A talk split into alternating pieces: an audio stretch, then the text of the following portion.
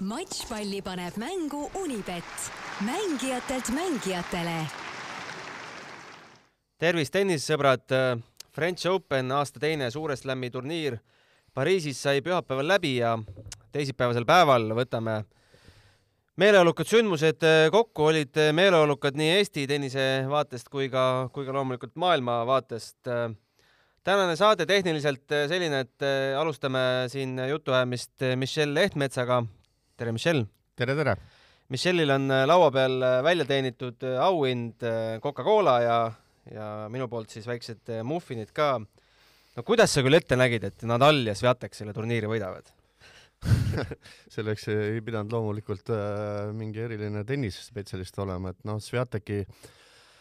turniiri võit oli, oli sisuliselt ikkagi äh, juba kivisse raiutud enne turniiri, et oleks pidanud väga-väga suur ime juhtuma, kui Sviatek seda turniiri võitnud ei oleks, aga nagu ma ütlesin, suure Nadali fännina ma endale ikkagi ei suutnud seda, seda andeks anda, viga, mida ma enne Austraalia lahtisi tegin, et, et ei pakkunud Nadali võitjaks ja, ja Nadal selle võitis ja ja, ja loomulikult äh, arvestades, et ta suutis ikkagi ka kõva kattega turniiri võita, Grand Slami võita siis oma kahekümne esimene Austraalias, siis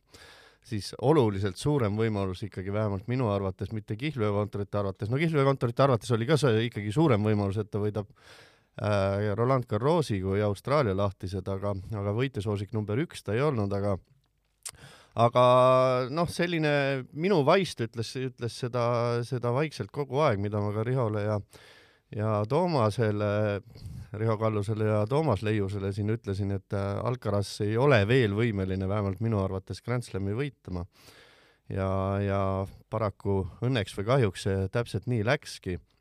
ja nagu ma rääkisin, siis, siis äh, selline must hobune see turniir ikkagi oli, oli Aleksander Zverev ja ja kui ta poleks seda ränka vigastust saanud, et mine tea, mis seal juhtunud oleks Nadali mängust. no suure tõenäosusega Nadal oleks selle ikkagi välja kiskunud selle hammastega, aga aga jah, nii ta läks ja, ja mina olen õnnelik ja, ja, ja ma usun, et äh, miljonid tennisefännid üle maailma on õnnelikud, jälle suur ajalugu tehtud ja nagu eurospordi kommentaatorid ja spetsialistid ütlesid, et neve eve seda neljateist Grand Slami ühel turniiril üle ei lööda, et äh,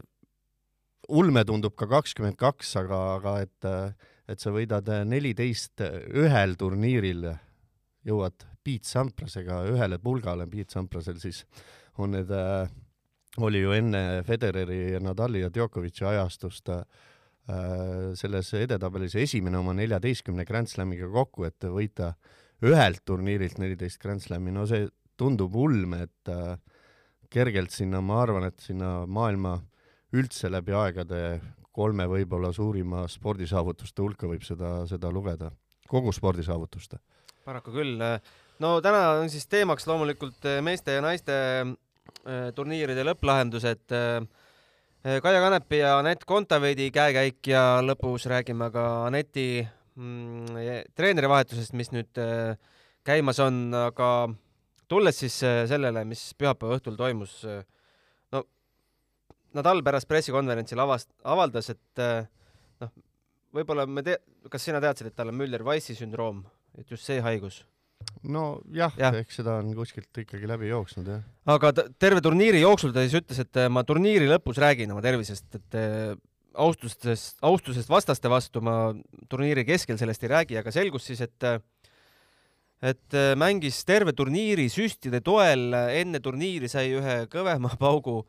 otse närvi, mis selle närvi siis tuimaks teeb ja siis äh, enne igat mängu keskmiselt kaks süsti veel. ja nüüd peale, nüüd sel nädalal siis läheb äh, äh, operatsioonile, mille nimi on äh, väga, see on raadiosagedus ablatsioon ehk sisuliselt äh, närv kõrvetatakse raadiosagedusega niimoodi ära, et äh, et, et see närv kaob ära ja valu kaob ka loodetavasti ära jah, eks need meditsiinilised terminid on minu ja sinu jaoks seal arusaamatud, mida seal tehakse, aga aga tõepoolest, nagu ta ka ennem öelnud on, äh, mitte juba enne seda turniiri, et ta, ta ei olegi vigastatud, et ta on tegelikult aastaid selle jalavaluga elanud ja see on väga frustreeruv, et, et kui sa päevast päeva, et mitte lihtsalt tennise tennisemängul, vaid kogu elu kakskümmend neli seitse sul see jalg ikkagi valutab, et no seda enam minu jaoks äh, imeks pandavam on, et see uskumatu, et põhimõtteliselt nagu ta ise ütles, et surnud jalaga ta selle, selle turniiri ja finaali mängis ja, ja sealt võita järjekordne Grand Slam, no, no respekt igal juhul, midagi ei oska öelda. no kahjuks finaal vist päris finaali vääriline ei olnud, sest numbrid on väga ühepoolsed, kuus-kolm, kuus-kolm, kuus-null. Kasper Ruudil Norra Norra siis äh, tõusval tähel, noh, nüüd on maailmas äh, vist juba kuuendal kohal, ei tekkinud võimalustki? ei tekkinud võimalust ja eks see oli, eks see oli kergelt ette teada, et, et ikkagi mees esimest korda Grand Slami finaalis, kas ta minu teada ei olnud isegi veerandfinaali ennem jõudnud ja ja mõistagi tegemist on väga hea väga hea mängijaga, mida ka Nadal ise tunnustas ja väga toreda inimesega ja, ja nad tunnevad üksteist väga hästi, sest äh, Ruud käib väga tihti äh, tema akadeemias treenimas äh, ja perekonniti käivad läbi ja, ja on sellised, sellised head sõbrad kogu, kogu tiimiga, tiimid omavahel ja, ja eks see oli, oli teada natuke, aga, aga taktikaliselt Nadal ikkagi äh, no võib-olla paha öelda, aga, aga tegi ikka Ruudi ikka väga lolliks, et, et see, kuidas ta enda jaoks neid väljakuid avas ja neid punkte võitis, et noh, see oli, oli hoopis midagi muud, et Ruud on küll hea tennisist, aga usun, et sellest mängust oli tal väga-väga palju õppida. Nadaliga ta siis üldse esimest korda kohtus äh, finaalis no kas me võime öelda, et finaal peeti ikkagi veerandfinaalis Nadali Djokovic'i vahel ära? jaa, kahtlemata see peeti ära, ma pean tunnistama, ma ise seda mängu otsepildis ei näinud, ma üritasin no see algas ka absurdsel ajal loomulikult. ei, see ei, selles suhtes absurdsel ajal ei alganud, et oleks mul kuskilgi telekas või arvutiühendus olnud, ma oleks seda, seda kahtlemata vaadanud, aga, aga jälgisin nii-öelda punkt punktist ja vaatasin seda mängu hiljem üle, aga aga minu jaoks oli üllatav, et äh, no hea küll, Djokovic'i jaoks see üllatav oli kaks asja, et see publik oli nii nii-öelda Djokovic'i vastu, et, et see oli, ma ei ole Djokovic'i fänn kunagi olnud, aga mul hakkas tast kohati kahju, et tõesti, et, et tundus, et noh, mis ta siis teinud on, et, et iga, iga punkt, mis, mis Nadal võitis, oli sellised ovatsioonid ja, ja Djokovic'il noh, selline tavaline kerge plaksutus ja, ja ma usun, et, et ikkagi see jättis talle selle jälje, et Djokovic oli ikkagi väga mannetu, et, et just ma imestan, et, et ta nagu, tal nagu mingit käiki ei olnudki, et ta liikus väljakul kuidagi imelikult, löögid olid lahjad, vahepeal ta natuke oma tempot tõstis, aga aga see ei olnud see Djokovic, mida me, mida me oleme väljakul näinud, et tundub, et mentaalselt ta ikkagi, kas see publik nüüd ta läbi küpsetas või midagi muud, aga igal juhul Djokovic oli oli väga-väga kahvatu ja eks ta oma natuke sapiste kommentaaridega seal peale seda matši ka, ka sellest, sellest nii-öelda aimu andis, eks viisaka mehena loomulikult seal äh, Nadali natuke ülistati, aga, aga näha oli, et, et, et talle see, ta ikka, ikka ei, ei, ei olnud tema ise väljakul. No on teada, et Nadal on Pariisis äh, publiku lemmiklaps ja sain seda ka omal nii-öelda oma silmadega näha, et eh, on eh, täiesti võrdeline sellesama Messi maaniaga, mida me alles siin eh, paar päeva tagasi Eesti jalgpallikoondise mängus nägime, et ja teine lemmiklaps on loomulikult Alcaraz, kelle mängu ma sattusin ka vaatama paar, paar tükki, Kordaga eriti paistis see välja, kui seal Real Madridi fännid ka veel olid Pariisi saabunud, siis ega seal servimiseks keskendumine oli üsna raske, et aga no Djokovic peaks olema vast sellega harjunud mängudes Nadaliga eriti. peaks harjunud olema, aga ma ütlen veel kord, et ma sellist äh, nii-öelda Djokovic'i kuidas seda öelda nüüd, vastasust või sellist, ma pole tegelikult äh, eelnevatel turniiridel niimoodi kogenud, et et kui ta on USA lahtistel mänginud, äh, siis ta on minu arust väga seal publikule meeldinud ja, ja ei saa nüüd öelda, et, et Nadal või Federer, no Federer hea küll, sellistel turniiridel on alati saab suurema aplausi, aga sellist äh, nagu, nagu vastasseisu pole ma publikul äh, ennem küll näinud, et see oli võib-olla ka Djokovic'i jaoks ikkagi midagi muud. Jah, neli tundi see matš kestis ja kolm-üks settidega Nadal selle võitis, aga aga mine tea jah, kuidas oleks turniir lõppenud, kui Aleksander Zverev poleks äh, saanud äh, vigastada mängus Nadali vastu. esimene sett äh, kestis tund kolmkümmend kolm, teine tund kolmkümmend neli. teine, teine ei saanud läbi veel. ei saanud läbi jah, et see matš liik-, on öeldud, et see matš liikus seitsme tunni graafikus. no põhimõtteliselt, kui, kui sa vaatad seda, et et noh, kas see ka seitse tundi kestnud oleks, on muidugi, muidugi iseasi, aga, aga kindlasti, kindlasti loomulikult see, et Nadal selle, selle võitis siis kolmetunnise matšiga kahes setis, mis ei saanud läbigi, oli, oli tema jaoks ikkagi no eeldame, et ta selle matši võitnud oleks, aga võib-olla oleks sealt veel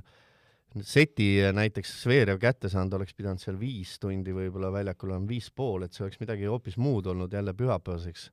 finaaliks, et selles suhtes Nadalil küll vedas. Ja mul oli ääretult kahju küll Zverevist, no kõigil oli kindlasti kahju, aga aga jah, mul, ma endiselt olen sellel äh, arvamusel, et et kui Zverev suudab enda äh, enda nii-öelda mentaalselt ennast korda saada, et äh, ma ei näe küll mingeid võimalusi seda, et, et ta ei võidaks Grand Slami, aga, aga tal on ikkagi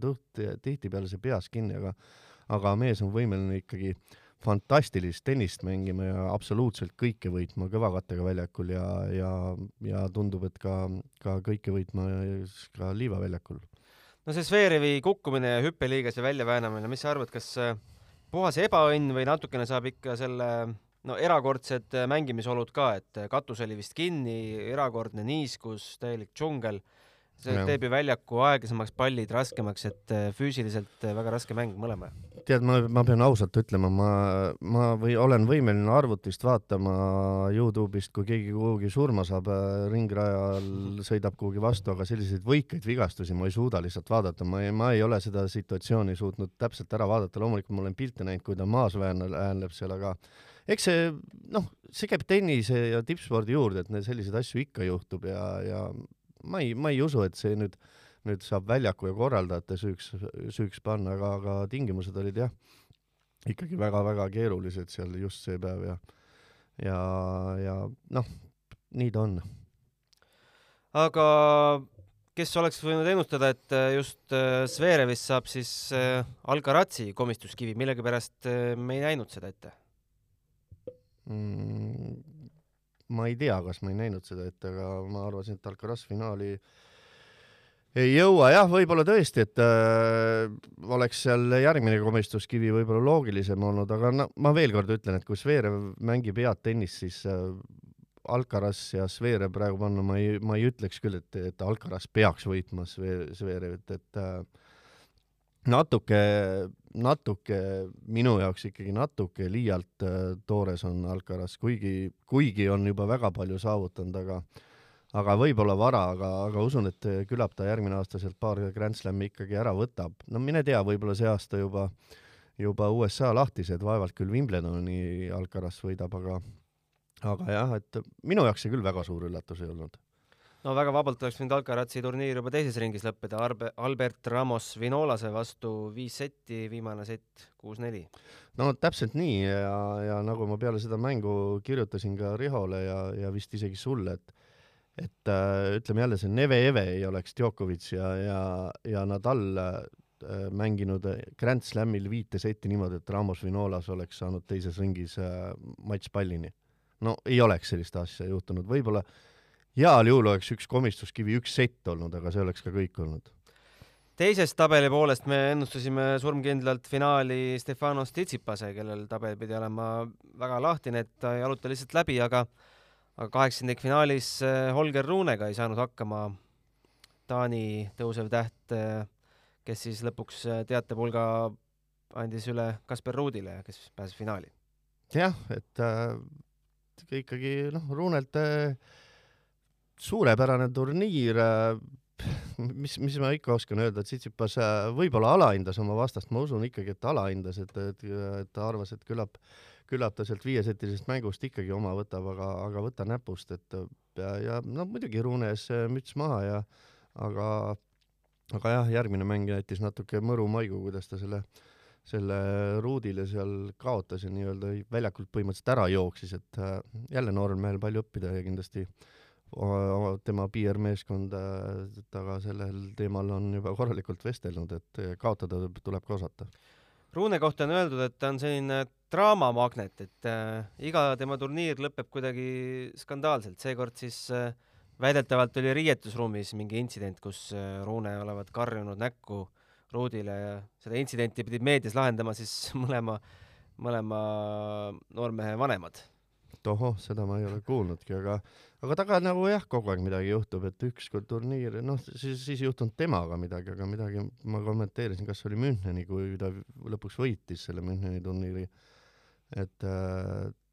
no seal ei olnud muidugi temaga, aga tema mängudes jah juhtub, et, et oli see hollandlane Van Sarsulp, kes seal äh, põhimõtteliselt ma ei teagi siiamaani, kas tal olid mingid südameprobleemid, no see oli nii kummaline, kummaline turniiri lõpp, et äh, ühtäkki mees läks väljakult ära, doktorid läksid kaasa ja, ja kakskümmend viis, kolmkümmend minutit oli täielikku vaikust, et, et mitte kedagi riietusruumist välja ei tulnud, kõik vaatasid otsa, rahvas vaatas, mis toimub ja mul oli selline tunne vahepeal, et äkki mees on ära surnud riietusruumi, aga ei, lõpuks ikkagi tuli välja ja loobus sellest mängust. see oli ka jah, ja siis sellel, sellisel õnnetul moel Rune oma esimese ATP tiitli sai, aga, aga, aga jah, et tegelikult päris äge kuju jah, aga, aga noh, käituma peab õppima, et, et see on selge aga jäädes veel äh, korraks meesteturniiri või üldse meeste tennise juurde, siis äh, äh, Nadalil on nüüd kakskümmend kaks suure slam'i tiitlit, Djokovic ja Federer on kahekümne peal. kui sa nüüd mõtled, ma ei tea, paar, kolm, neli, viis aastat tagasi, kas, kuidas see kõik on siiamaani tulnud, et kas tundub sulle loogiline, et seis on praegu selline? Noh, ma võib-olla ei ole selles suhtes äh, väga adekvaatne ütleja, sest äh, ma olen ikkagi alati õudne Nadali fänn olnud äh, sõna otseses mõttes ja noh, ma olen mõistagi lootnud seda, seda, aga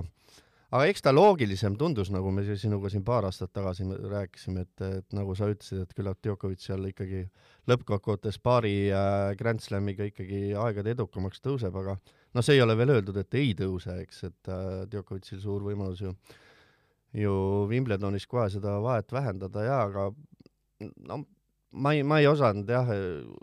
hea küll, ma arvasin, et Nadal kaks-kolm aastat võib veel võita siin võib-olla neli-viis aastat tagasi, arvasin, et et neid Roland Garros'e, aga, aga et Austraalias suudab võita ja ja teha kolmekümne kuue, no nüüd on ta kolmkümmend kuus, teha tegelikult oma elu parim hooaja algus, et ta ei ole mitte kunagi esimest kahte Grand Slami võitnud, kui ta Austraalia lahtisid kaks tuhat üheksa võitis, siis ta teatavasti äh, Roland Garrosi ei võitnud.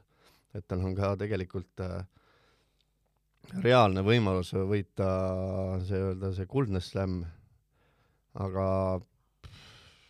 nojah, me ei tea, mis seal Wimbledonis toimub, et äh, mõistagi, kui vaadata jälle kihlveokontoreid, siis Nadali peale panustades seal kuskil saab kümnekordset raha tagasi, aga mulle tundubki,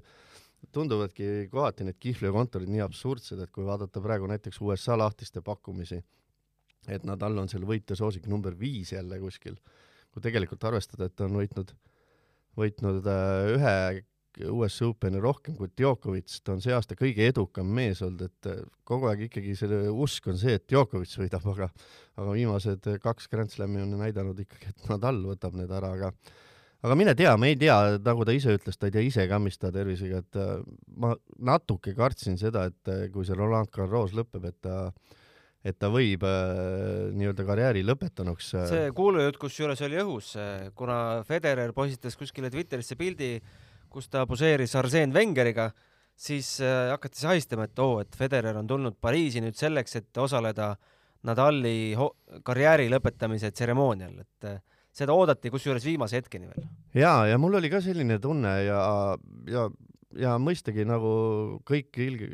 kümned äh, miljonid tennisefännid tahaks teda edasi näha, siis mina tema suure fännina ausalt öeldes ma natuke ootasin seda otsust, et see oleks ikka, ikka mega ilus lõpp olnud asjale, et, et tõesti sa tuled ja põhimõtteliselt ühe jalaga võidad veel äh, Roland Garrosi ja siis ütled, et põhimõtteliselt noh, loomulikult ta ei oleks niimoodi öelnud, aga et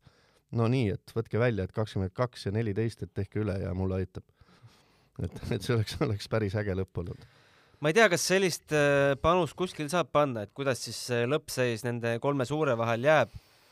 seis on keeruline selles mõttes, et Djokovicil, äh, ma ei tea, mitu aastat tal äh, Austraalias pole enam asja mis no. USA teeb vaktsiininõudega, et kas ta üldse USA-s peale lastakse, et Djokovicil see võimaluste aken on, ei ole ka väga suur. Võimaluste aken ei ole väga suur ja, ja arvestame ka, et Djokovic on tegelikult aasta noorem ainult kui Nadal, et ta on, vanus tuleb paraku peale ja, ja nagu me öelnud oleme, siis tulevad igasugused Rune ja Alcarazi sugused mehed ka peale. no ülisuur šanss on Djokovicil muidugi Wimbledon see aasta ära võita, et et keda me seal Wimbledonis, no eeldame, et Nadal ka sinna ei lähe ja no Nadal ei lähe sinna, Medvedjev ei lähe sinna, Rubljov ei lähe sinna, kes sinna veel ei lähe, siis mm, Zverev mõistagi ei lähe sinna. Polegi kedagi tal vastas, seal põhimõtteliselt peaks olema jalutuskäik. jah, et äh, Alcarazzi muru peal väga mängimas ei olegi näinud vist kunagi. no vist ei ole näinud jah, ja Alcarazzi kohta ilmselt kehtib see vanasõna, et äh, nagu Nadali algusaastate kohta, muidugi veel ei saa Alcarazzi kohta öelda, võib-olla aasta pärast saab öelda seda, et, et äh, et ei kujuta ette, kes Alcarazzi võiks liival võita ja ei kujuta ette mängijat, keda Alcaraz võiks ise murul võita, et et, et aga sinna on veel võib-olla aasta aega ja et äh, Alcaraz mõistagi, no kunagi Neves on Neve, aga vaevalt ta nüüd Wimbledoni see aasta võidab suuremate ja väiksemate võistluste matšpalle vaata Unibet tv-s, kus sind ootab aastas ligimale sada tuhat tasuta otseülekannet. Unibet, mängijatelt mängijatele naisteturniir äh, üllatust ei sündinud, äh, Iga Swiatek võitis teise French Openi tiitli oma kahe, kaks tuhat kakskümmend tiitli kõrvale, aga laseme vahepeal uksest sisse Toomas Kuumi, Kuuma. nii, ja meiega on ühinenud äh, Toomas Kuum läbi Tallinna uskumatu transpordisüsteemi kuidagi siia jõudnud teiselt poolt linna otsast. Eh, iga Sviatek üllatust ei vormistanud, eh, kaotas eh, kogu turniiri peale vaid ühe seti. Noh, kõige ootamatumale mängijale ilmselt Qin Wen Sheng kaheksandikfinaalis sai kätte siis esimese seti kiirlõppmängu Sviateki vastu, pärast oli muidugi endal kiire lõpp kuus-null, kuus-kaks, aga veerandfinaalis Jessica Pegula, poolfinaalis Darja Kasatkina ja ja finaalis Cory äh, Kauf äh, endast ohtu ei kujutanud. Äh, Toomas, sinu ülistuslaul liigale? Nüüd on kuulda. et naiste turniirile. no pole midagi öelda, et ega, ega võitis see, kes pidi võitma, võib nii öelda. et polegi võib-olla ammu nii kindlat kandidaati olnud tegelikult ja äh, ja tõesti see, kui vaadata uuesti see turniiri tabel üle, et, et see seti kaotus tuli nagu küll võib-olla üllataval kohal. aga noh, seda ikka juhtub. et äh, kui korra tagasi meeste poole tulla, siis ju noh, Nadalil oli ka vähemalt ühes mängus ikkagi noh, nii-öelda vaatad viis setti ja ja nägi ka vaeva, aga tegelikult tervikuna vaadata, siis äh, noh, seal on ju nii kindlad numbrid, et äh, võitis see, kes pidi võitma ja, ja, ja, ja selles mõttes võib-olla natukene oli nagu igavavõitu see turniir. ja, ja, ja samas need äh, mängijad, kes siis ka eelmine aasta seal võib-olla mängisid hästi, väga paljud ju täiesti komistasid. Äh, no Krejtšikov on üldse täiesti täielikus augus, mulle tundub praegu. no Krejtšikova, nagu tuleb pärast välja, oli ka nakatunud koroonaviirusesse. no seda ka lisaks jah, aga, aga ega ma arvan, et enne juba seda nakatumist oli, oli seda tendentsi näha, nii et äh, tundub, et äh, naiste tennises ma ei oska öelda, kas seal, seal nüüd hakkab mingi suurem muutus toimuma või mitte või, või nagu ühtepidi on nagu niisugune segane, segane seis, välja arvatud siis esireket. jah, et esireketi taga on äh, Anett Kontaveit, no sellest saame ka rääkida, seal on äh, vahe neli tuhat punkti ja rohkemgi ja siis on juba vahet äh, alla saja. aga tahad sa ka Michel, midagi lisada? ei, ma ei, ma ei taha jah misa, midagi lisada, põhimõte jah, et äh, suur üllatus oli juba minu jaoks see, et, et tõepoolest, et iga Sviatek seti kaotas, aga kui naiste tennist jah edasi rääkida ja noh, no spekuleerime, et iga Sviatek kas saab tõsise vigastuse või otsustab ka, et mulle aitab lõpetada et see oleks nüüd huvitav seis, et mis siis naiste tennises toimuma hakkab, see Neve, seal on nelikümmend eh, naist, kes võivad Grand Slami võita, mitte kunagi sealt põhimõtteliselt mitte midagi ei tea. aga jah, Sviatek on, on, on sellises hoos ja ja ma usun, ta, ta on mentaalselt nii palju kindlust juurde saanud, et ma arvan, et ta, ta võtab siin mööda minnes selle selle Wimbledoni, Wimbledon raskem võib-olla, aga USA lahtised kindlasti ära, kui midagi ei juhtu jaa, Wimbledoni võib-olla seal on see natuke see väljaku katte spetsiifika, aga, aga eks kui nüüd mõne turniiri mängib ka enne Wimbledoni, võib-olla proovib muru peal ja, ja enesekindlus on kindlasti oluline, aga seal on tõesti, et aga kui ta nüüd Wimbledoni võidab, no siis on juba tõesti mida ta kõike veel suudab nagu korda saata. aga, aga ma korra tulen veel äh, tõesti tagasi, et, et, ähm, et see, mis seal noh, nii-öelda me teame ju, et Anett on äh, nüüd nii kõrgele tõusnud maailma edetabelis, et justkui nagu noh, tulemused on no ütleme siis tagasihoidlikult nii ja naa ütleme eriti nüüd no, viimased paar kuud jah ja, paar kuud, aga, aga jah, seal see, see näitabki tegelikult just see, et, et niimoodi võib need kohad niimoodi vahetuvad. okei okay,, seal kukkusid, ütleme, Krejtšikoval, Sakaril kukkusid suured punktid ära, eks onju, aga, aga, aga jah, ka Michelle'i jutu peale, et, et, et, et seis on ju jumala väga segane ja minu meelest siin on meie muuseas kõige vanem mängija praegu maailma esisajas peaks olema Kaia Kanepi. et äh, minu meelest ka tema võimalused selles mõttes kogu aeg tõusevad, et, et võib selles võistluskarussellis nii, niisuguses seisus on ka temal väga-väga soodne, soodne pinnas mängida veel mõne aasta. Vonarjova peaks olema järgmine vanuselt, tema asub meil edetabelis äh, teises sajas, kui ma ei eksi. jah, ja korra siis Toomas jutul täiestuseks jah, et Kaia ju saab äh, suure tõenäosusega Wimbledonis asetuse on ju, mida ja. aastaid ja aastaid juba. Äh, neljakümne, ei kolmkümmend kaheksa ja sealt on ära kukkumas kokku vähemalt kaheksa valgevenelast. ja, ja, ja so, soodsa loosiga ma korra lõpetan, võib äh, ju alati on ju ka, ka Kaiale ka muru ikkagi sobinud vanematele mängijatele üldse sobib, sest seal peab võimalikult vähe jooksma ikkagi, oleme ausad, Kaia on, on veteranmängija Wimbledonis on kõik lahti, kui sul on hea loos, ma ei, ma ei imestaks üldse, kui Kaia seal poolfinaali või finaali välja ja. läheb. aga jääme veel korra Iga Sviateki juurde, kolmkümmend viis äh, äh, matšivõitu järjest äh, ületas siis Serena, kes oli kolmekümne nelja peal, ise tundis kusjuures väga suurt uhkust selle üle, et ta sai ühe rekord, rekordi kätte, mis on selles mõttes hea, et et mitte ainult meie siin ei hoia nendel rekorditel näppu peal, vaid on ka reaalselt mänge tulnud, kes, kes tahab domineerida, kes tahab neid rekordeid ja loodetavasti tahab ka neid kõige suuremaid rekordeid, aga aga kes ütleb valemi, kuidas praegu Tšivatekit võita, mis, mismoodi ta mängib, tal ei ole ju mingit ühte kindlat relva, millega ta nüüd vastaseid purustab, ta ei löö neid jooni puhtaks, kindla peale pallid sinna, kuhu peab. see ongi tema tugevus, see ongi tema tugevus, et kui su mäng ei sõltu ainult ühest elemendist, ütleme mõni mängija, kes sõltub servist, tõepoolest ütleme võib-olla kiiremal kattel või sealsamas muru peal, eriti veel aastakümneid tagasi, et seal oli pommserv, noh, just meeste tennises eelkõige näiteks, siis oligi sellel najal nagu elati. aga minu arust ongi seesama ühtlus, et ta saab seal varieerida oma mängu ja, ja see ongi tema tugevus. et tegelikult, kui sa, kui vaadata nüüd maailma tippe, võtame kes läbi aegade on olnud, siis ikkagi noh, pigem on ikkagi, eriti just viimastel aastakümnetel, et, et ei ole ju selliseid mängijaid, kes ainult ühe mingi või kahe elemendi peal elavad et, et ei ole ainult serv näiteks. no John Isneril on väga võimas serv, aga mis ta sellega, noh ikkagi maailma esireketeks ta sellega ei tõuse mitte kuidagi, ei ole mingit varianti. aga siia tood kõrvale, jah, võib-olla Nadal oli noh, oma nii-öelda karjääri selle noh, alguses rohkem tõesti ütleme mm -hmm. liiva nii-öelda nimetati liivakuningaks, aga kui sa vaatad tema tulemusi läbi aegade, noh enam ainult noh, liivakuningas on ta nagunii. aga tegelikult mängib ju teistel katetel ka ju väga hästi ja, ja, ja, ja nad on universaalid ja täpselt sama on, ma olen kogu aeg öelnud, et eriti just naiste tennises, et kui tuleb äh,, varem ka maininud, et kui tuleb selline tennisist, kes on noh, selles mõttes, et ta on ühtlane, tal on äh, võib-olla ka väga äh, niisugune taktikaliselt küps mäng, noh, natukene ma näen niisugust võib-olla sellist ma toon kogu aeg võrdlust, et noh, jah, see naiste ja meeste tennis, et siin noh, võib-olla see need võrdlused ei ole nii head, aga aga just selline küpsuse poolest on just tema see esindaja, et ta nagu mängib küpsemat tennist ja, ja, ja suudab oma emotsioone ikkagi ka nagu selles mõttes vaos hoida, et, et äh, noh, tasakaalukas on tegelikult. noh, näitab küll emotsioone välja, aga mulle tundub, et sees on ta palju tasakaalukam. aga meil endalgi oli ju, turniir kestis päris kaua, lausa nädal aega, Kaia Kanepi jõudis äh,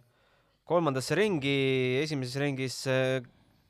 üllatas Garbine Muguruzat, noh, maailma mõttes üllatas, meie jaoks ei olnud üllatus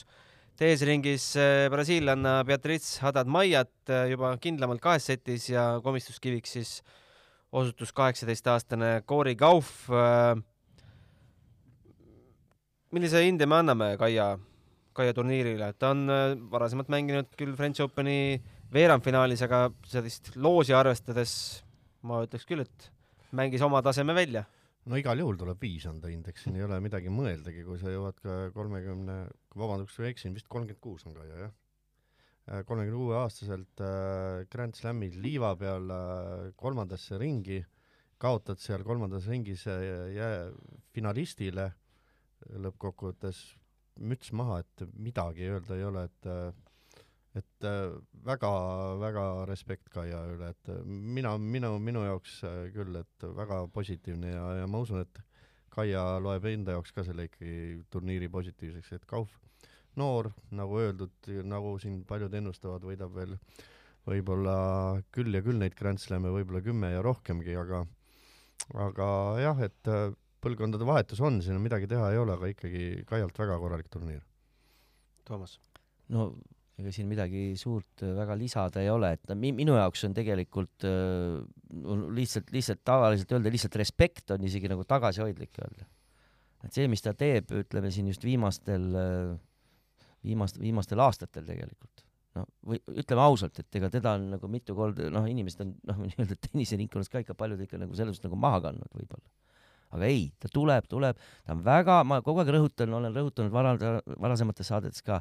väga selline minu arust metoodiline, läbimõeldud tegevus mis turniirid mängib, noh, loomulikult suured slam'i turniirid ta mängib ja, ja mõned suuremad turniirid ka, kust, kus mõne ringi saab edasi, nüüd ta on saanud ikka väga palju nendel suurtel turniiridel väga kaugele ikkagi jõudnud Äh, vaatamata vanusele, et ta kogub seal ka punkte, ta on edetabelis suhteliselt kõrgel, see garanteerib tal, kui tal tervis äh, peab vastu veel, veel ka järgmise aasta rahulikult tegelikult turniiridel kaasa mängida. väga läbimõeldud tegevus äh, minu meelest ja, ja arvestab nii-öelda oma võimeid, just füüsilisi, sest ega, ega tal ei ole see karjäär nii lihtne olnud, et, et, et ma usun, et needki tulemused, mis ta on seni näidanud, oleksid äh, noh, oleksid-poleksid, eks on ju, aga ikkagi äh, kindlasti paremad kui, kui, kui ütleme, poleks vigastusi. sest on mõni mängija, kellel on karjääri jooksul vähe vigastusi, kellel on rohkem, nii et see mõjutab ka väga palju. nii et väga tark tegutsemine minu meelest. ja temalt võib oodata, nii nagu Michel ütles, et äh, eriti just suure slam'i turniiridel, mulle tundub, et tal on seal üldse see närvikava äh,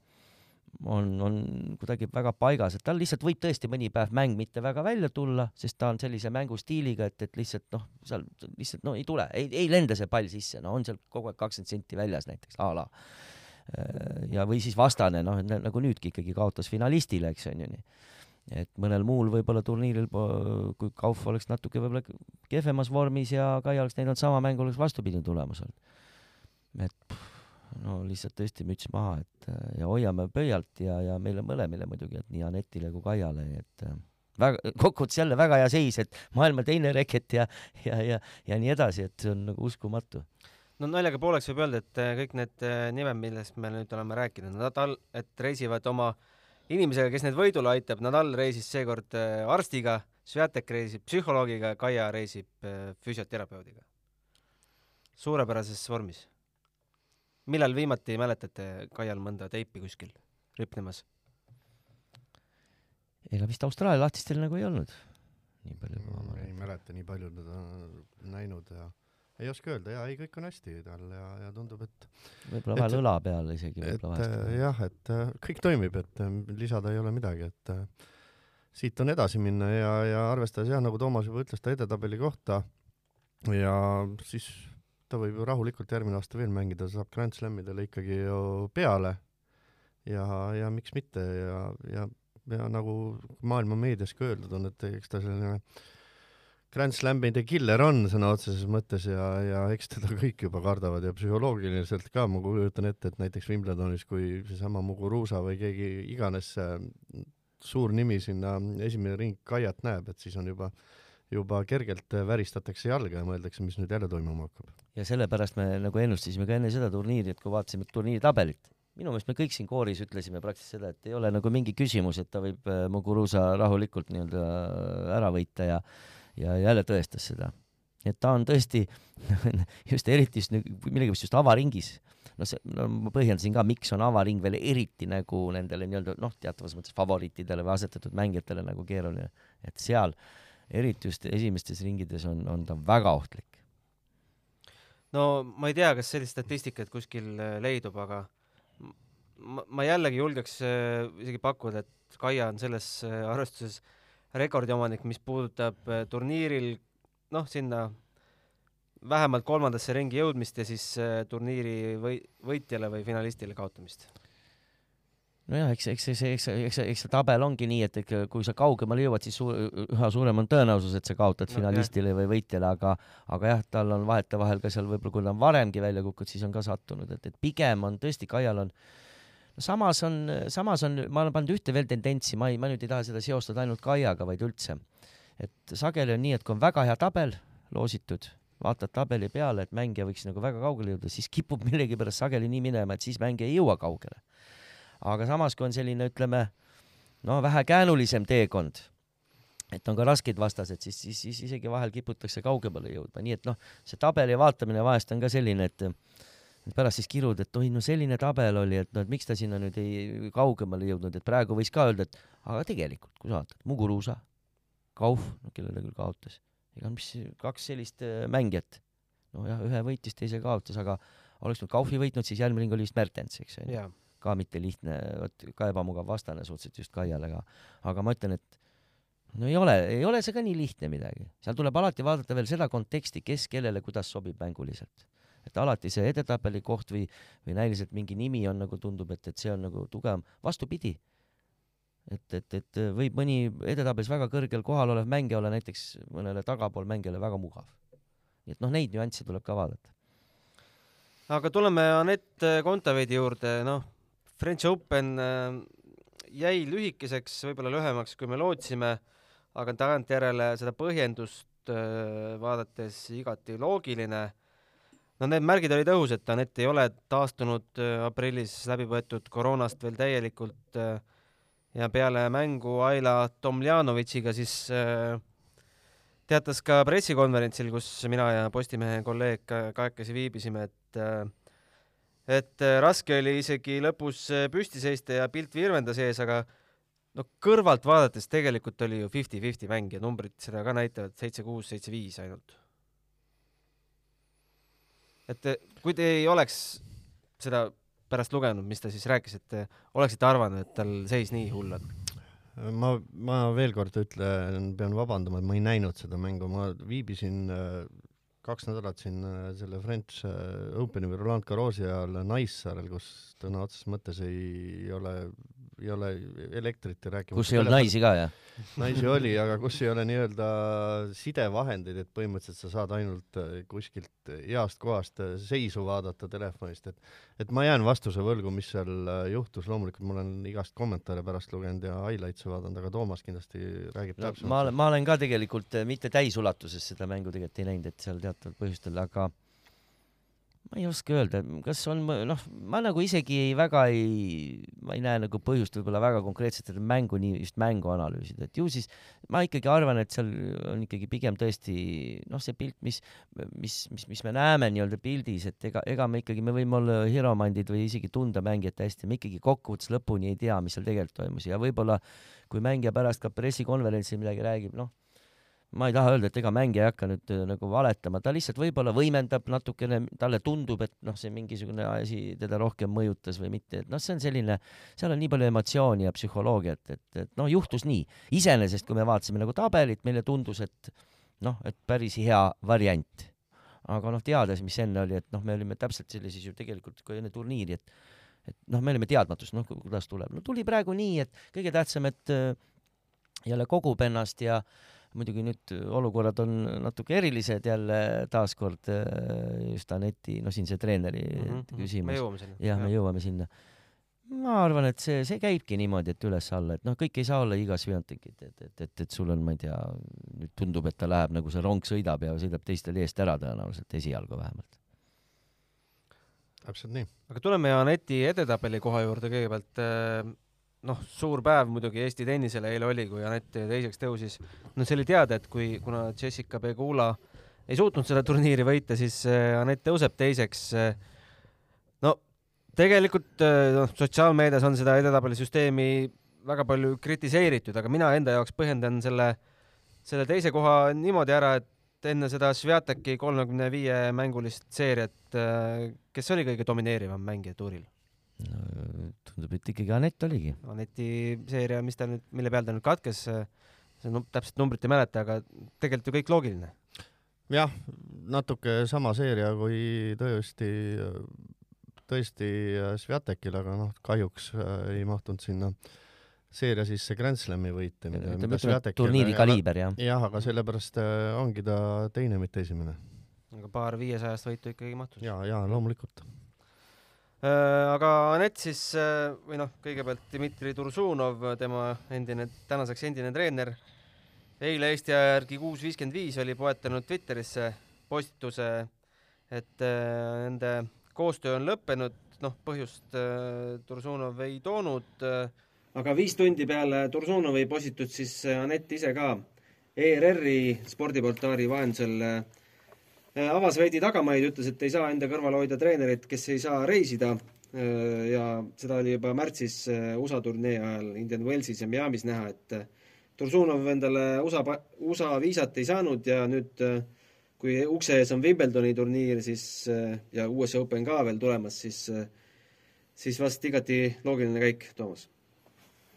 no jaa, ega, ega kui sa ei saa nagu täies, ütleme niimoodi, täies mahus nagu tööd teha, seal tekivad ka minu arust ka juba nagu mingid rahalised küsimused tõenäoliselt, et, et noh, et kui, kui sul on mingi leping või diil tehtud, siis tuleb ju seal ka ma ütleksin, ma arvan, seal on niisuguseid pragmaatilisi momente ka hästi palju. noh, ei tea tänu sellele, et ei saanud treener kogu aeg juures olla ja, ja noh, ja võib-olla igasuguseid spekulatsioone oli siin mõni, mõni kuu tagasi, et äh, et, et kui sul nagu see side kaob ka nagu võib-olla ikkagi ära, et siis, siis, siis on keeruline, noh. ja, ja samas nagu tundub, et Anett on selline tennisist, kes, kes ikkagi noh, ta vajab treenerit. noh, ta on ise seda minu meelest ka nagu rõhutanud, et, et, et, et mõni mängija, noh, Kaia on selles mõttes selline unikaalne, et ta, tal on nagu sageli olnud nii, et tal on nii-öelda nõustajad pigem, et, et ähm, aga niisugust just puhast tennisetreenerit ta nagu isegi alati ei ole, ei ole isegi nagu vajanud oma karjääri jooksul, aga noh, ma tean, et paralleelselt nagunii teda ka noh, ikka niimoodi mõned treenerid ka ikkagi kogu aeg andsid nõu ikkagi. nii et see on, see on, see sõltub mängijast hästi palju. tegelikult tuuril ma ei ole, see oleks huvitav statistika tegelikult, kui saaks tõese informatsiooni, et palju näiteks esisaja mängijatel, kellel tegelikult momendil ei ole näiteks treenerit naiste puhul. ma arvan, ega me ei leia seal ainult üks-kaks nime või, või kus on segane seis? jah, eks see, korra segan sind, eks see treener on, on ka selline suhteliselt segane mõiste tihtipeale, et tõepoolest, et äh, kas Kaial nüüd on tennisetreener või on see füsioterapeut, on ta füsioterapeut ja treener koos, et äh, noh, eks, eks Kaia pole ainuke näide, eks neid mängijaid on küll ja aga tõepoolest Toomas juba ilusti seletas lahti, et,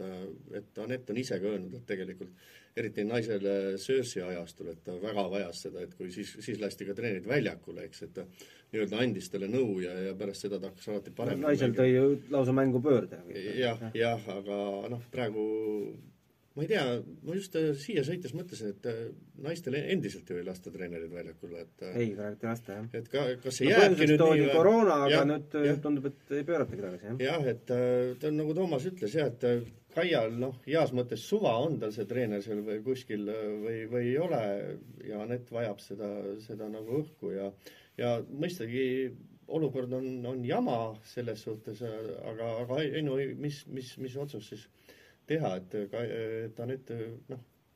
oli sunnitud niimoodi, niimoodi tegema ja eks neil mõlemal on ilmselt kahju sellest, aga aga nagu öeldud, et kogu selles sõjas, et Vene riigil on kollektiivne vastutus ja, ja eks kõik need kodanikud peavad kannatama vähemal või suuremal määral. no me tegelikult ei tea, palju seal mängus võis olla mingeid isiklikke maailmavaatelisi erinevusi. me oleme püüdnud seda netilt küsida, aga ilmselgelt, et äh, ebamugav teema, ega ta otseselt ei taha midagi öelda. no ridade vahelt võib-olla noh, sellest lausest, et äh, ei taha oma tunnetest seoses treeneriga avalikult rääkida, et võib-olla sealt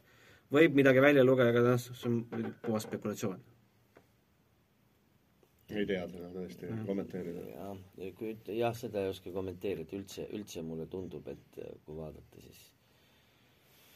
liiga palju üldse inimesed üldse elus liiga palju spekuleerivad ja, ja mõtlevad, mida teine mõtleb ja, ja. mida teine ei tee, ausalt enda, endal ka selline patt võib-olla on olnud, on ka ikkagi küljes, et, et, et see on ausalt öeldes inimesed, tulge mõistusele, kust, kust te teisi inimesi sisse näete tegelikult. aga samas mõni arvab, et nähakse tema sisse, nii et nii, nii, see on, siin on nagu see vastastikune see niisugused võnked, mis on tegelikult üldjoontes ikka absurd. Aga Anetil võib-olla kõige tähtsam oleks esmalt eh, tervis korda saada, nagu ta sealsamas intervjuus lisas, et eh, uuringud eh, sel nädalal ees ootame, siis saab üldse teada, mis edasi saab, sest praegu ei tee isegi trenni mitte, et ma ei tea, julgete pakkuda, kas Anett üldse läheb, murule? eriti kui veel Wimbledonis punkte ka ju ei anta. jah ei julge pakkuda jälle, see on jälle see spekulatsioon, et, et ma ei julge midagi pakkuda, et täpselt sama segane seis kui Nadaliga, kas Nadal läheb või ei lähe, pigem ma arvan, Nadal ei lähe ja pigem ma arvan, et, et Anett ka ei lähe, aga, aga ma ei tea, see on jälle selline kohvipaksu pealt ennustamine, et äh, keegi ei tea peale Aneti ja, ja Nadali ja vaevalt, võib-olla nad ei tea isegi. selle asemel lähme pärast kohvi jooma, mitte kohvipaksu pealt ennustama. äkki tervist korda saada ja tulla siis kõvaväljakutel juba tugevamana tagasi, ongi targem mõte. nojah, eks tundub mõistlikum, jah. tundub mõistlikum ja teine asi, tal ongi vaja seal tegelikult juba suht, tegelikult see, see aeg ei olegi nii mägede taga, kus tal ongi vaja põhimõtteliselt tulla, tulla ja oma punkte hakata varsti kaitsma. aga Wimbledoni turniir siis algab äh, kakskümmend seitse juuni, äh, üks kummaline turniir sellest tuleb, äh, nagu punkte ju mängus ei ole, ütles ka Indrek Tussit, et kui hakkaks sel ajal juba normaalsed kõvaväljaku turniirid, siis ei läheks Kaiagi Wimbledonile. aga, aga Vim... eile tuli uudis, et äh, ikkagi VTA kavatseb seal pooled punktid vist äh, eelmise aasta, ma saan aru, et eelmise aasta pooled punktid jäävad alles, jah? jäävad alles, et hästi segane seis ja ja vist eelmine saade rääkisime ka, et kas see nüüd on õige või vale, et no minu arust on, on, on Wimbledon õieti käitunud ja ATP ja VTA nii-öelda heas mõttes äh, on munadeta, aga, aga noh, sellest võib jäädagi rääkima. aga Wimbledon on Wimbledon selles mõttes, et kui ma arvan, et seda karikat äh, tahavad ju kõik pea kohale tõsta. no Djokovic kindlasti tahab jah, võib-olla nüüd tekib tal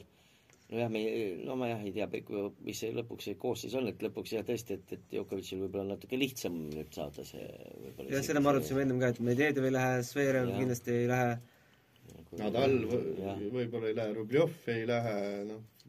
polegi jäänud seal kedagi. jah, et, et saab sellise noh, võib-olla natuke kompensatsiooniks nii-öelda, et noh, seal küll käitumisega pärast, kui ta USA lahtistel välja, et tal on natuke olnud, ütleme niimoodi, ma ei kaitse Djokovic'i, aga noh, natuke sellist võib-olla mingit, no ma ei ütle, et ebaõnne, aga ise on ka seal natuke ikkagi süüdi olnud, et tal see võib-olla number on veel kahekümne peal, mitte kakskümmend üks, et ütleme, aga, aga noh, mina ei tea, tema ta ajab muidugi seda numbrit jubedalt taga, noh mul on tunne, et Nadal küll nopib neid turniirivõite, aga ta ei tähtsusta seda nii üle. Aga Djokovicil on see kuidagi nagu mingi haigus ja see võibki talle muuseas isegi komistuskiviks hakata, et ta nagu põleb läbi selle pärast nii mõnigi kord. no me ennem arutasime Micheliga ka, et äh, kas see, et äh, Nadalil on praegu kakskümmend kaks ja ülejäänud mehed on kahekümne peal, kas see tundub sulle, ma ei tea, paar-kolm aastat, viis aastat tagasi mõeldes loogiline? sa mõtled kogu see summa või? jah. kuuskümmend kaks siis tuleb? ei, no ma mõtlen, et, et, just üks mees on, et Nadal on kahega ees. Äh, ja võib-olla ei, jah, et kui see oleks küsitud mul ütleme võib-olla kolm-neli aastat tagasi, ega ma ei oleks siis uskunud, et, et, et, et, et, et võib-olla, et noh, et, et, et Federer ikkagi võib-olla hoiab seda kõige suuremat numbrit. Federeril on muidugi, kui vaadata läbi aegade, on tal paar sellist nappi finaali, just finaali kaotust tulnud sisse, et tal tegelikult ja seal ikkagi vigastused olid tal ka varasemal perioodil, et ütleme, no teistel on ka muidugi olnud, et ei saa öelda, et nüüd Djokovicil on kogu kõik libedalt läinud ja isegi Nadalil. Mina vaataksin nagu üldisemast kontekstist seda. tähendab, kui ma nüüd ei eksi, aastast kaks tuhat neli siis põhimõtteliselt, noh, kui vaadata kolme meest korraga nii-öelda. täna on meil kaks tuhat kakskümmend kaks. ma ei saa aru, mida need ülejäänud mängijad teevad, noh sest ausalt öeldes okei okay,, nemad on, need on unikaalsed kujud, eks on ju, aga noh, kuuskümmend kaks, no, no, no ei suudeta, noh. ja väiksematel turniiridel tõesti seal, me ju arutasime ka, Alcaraz, Alcaraz, no okei okay,, tal on veel aega, eks on ju. Sinnerid ja kõik siin kogu aastad läbi, toome neid nimesid välja ja vaata, et isegi Zverev oli praegu, vaata, et võib-olla kõige reaalsem selline isegi. Samas ujus kuskil Tšilitš välja, kes on ka juba niisugune, ütleme, tõsine seenior, võib öelda. No ma ei, ma ei saa aru, mis toimub, no tõesti, praegused metoodikad, kõik võimalused, mis on, no ei suudeta kuidagi, et no noh, tõesti selline, sellised unikaalsed, unikaalsed mängijad tulid, aga, aga see, see tundub müstikana. et tennises, noh, ma saan aru, kui keegi valitseb seal no kümme aastat, just nagu valitseb ja siis võib-olla seal natukene e, e, taga, noh, hiljem võib-olla üllatab, aga no sisuliselt on siis, mis on, varsti kakskümmend aastat, noh. ma ei saa, see, see tundub uskumatu ausalt öeldes. ma ei oskagi seda kommenteerida, see on müstika. tennis on mentaalne mäng. jah, aga mitte ainult ikkagi füüsis, füüsis ja seal on sada, sada elementi tegelikult. aga selge, tõmbame tänasele saatele joone alla, peame kõik eh, oma toimetuste juurde naasma ja tuleme vast eh, tagasi mikrofonide ette, kui on eh, Wimbledoni tabelid väljas. saab olema huvitav näha, mis asetuse saab Kaia ja millise loosi. aitäh kuulamast ja, ja kõike head! kõike head! head aega! matšpalli pani mängu Unibet, mängijatelt mängijatele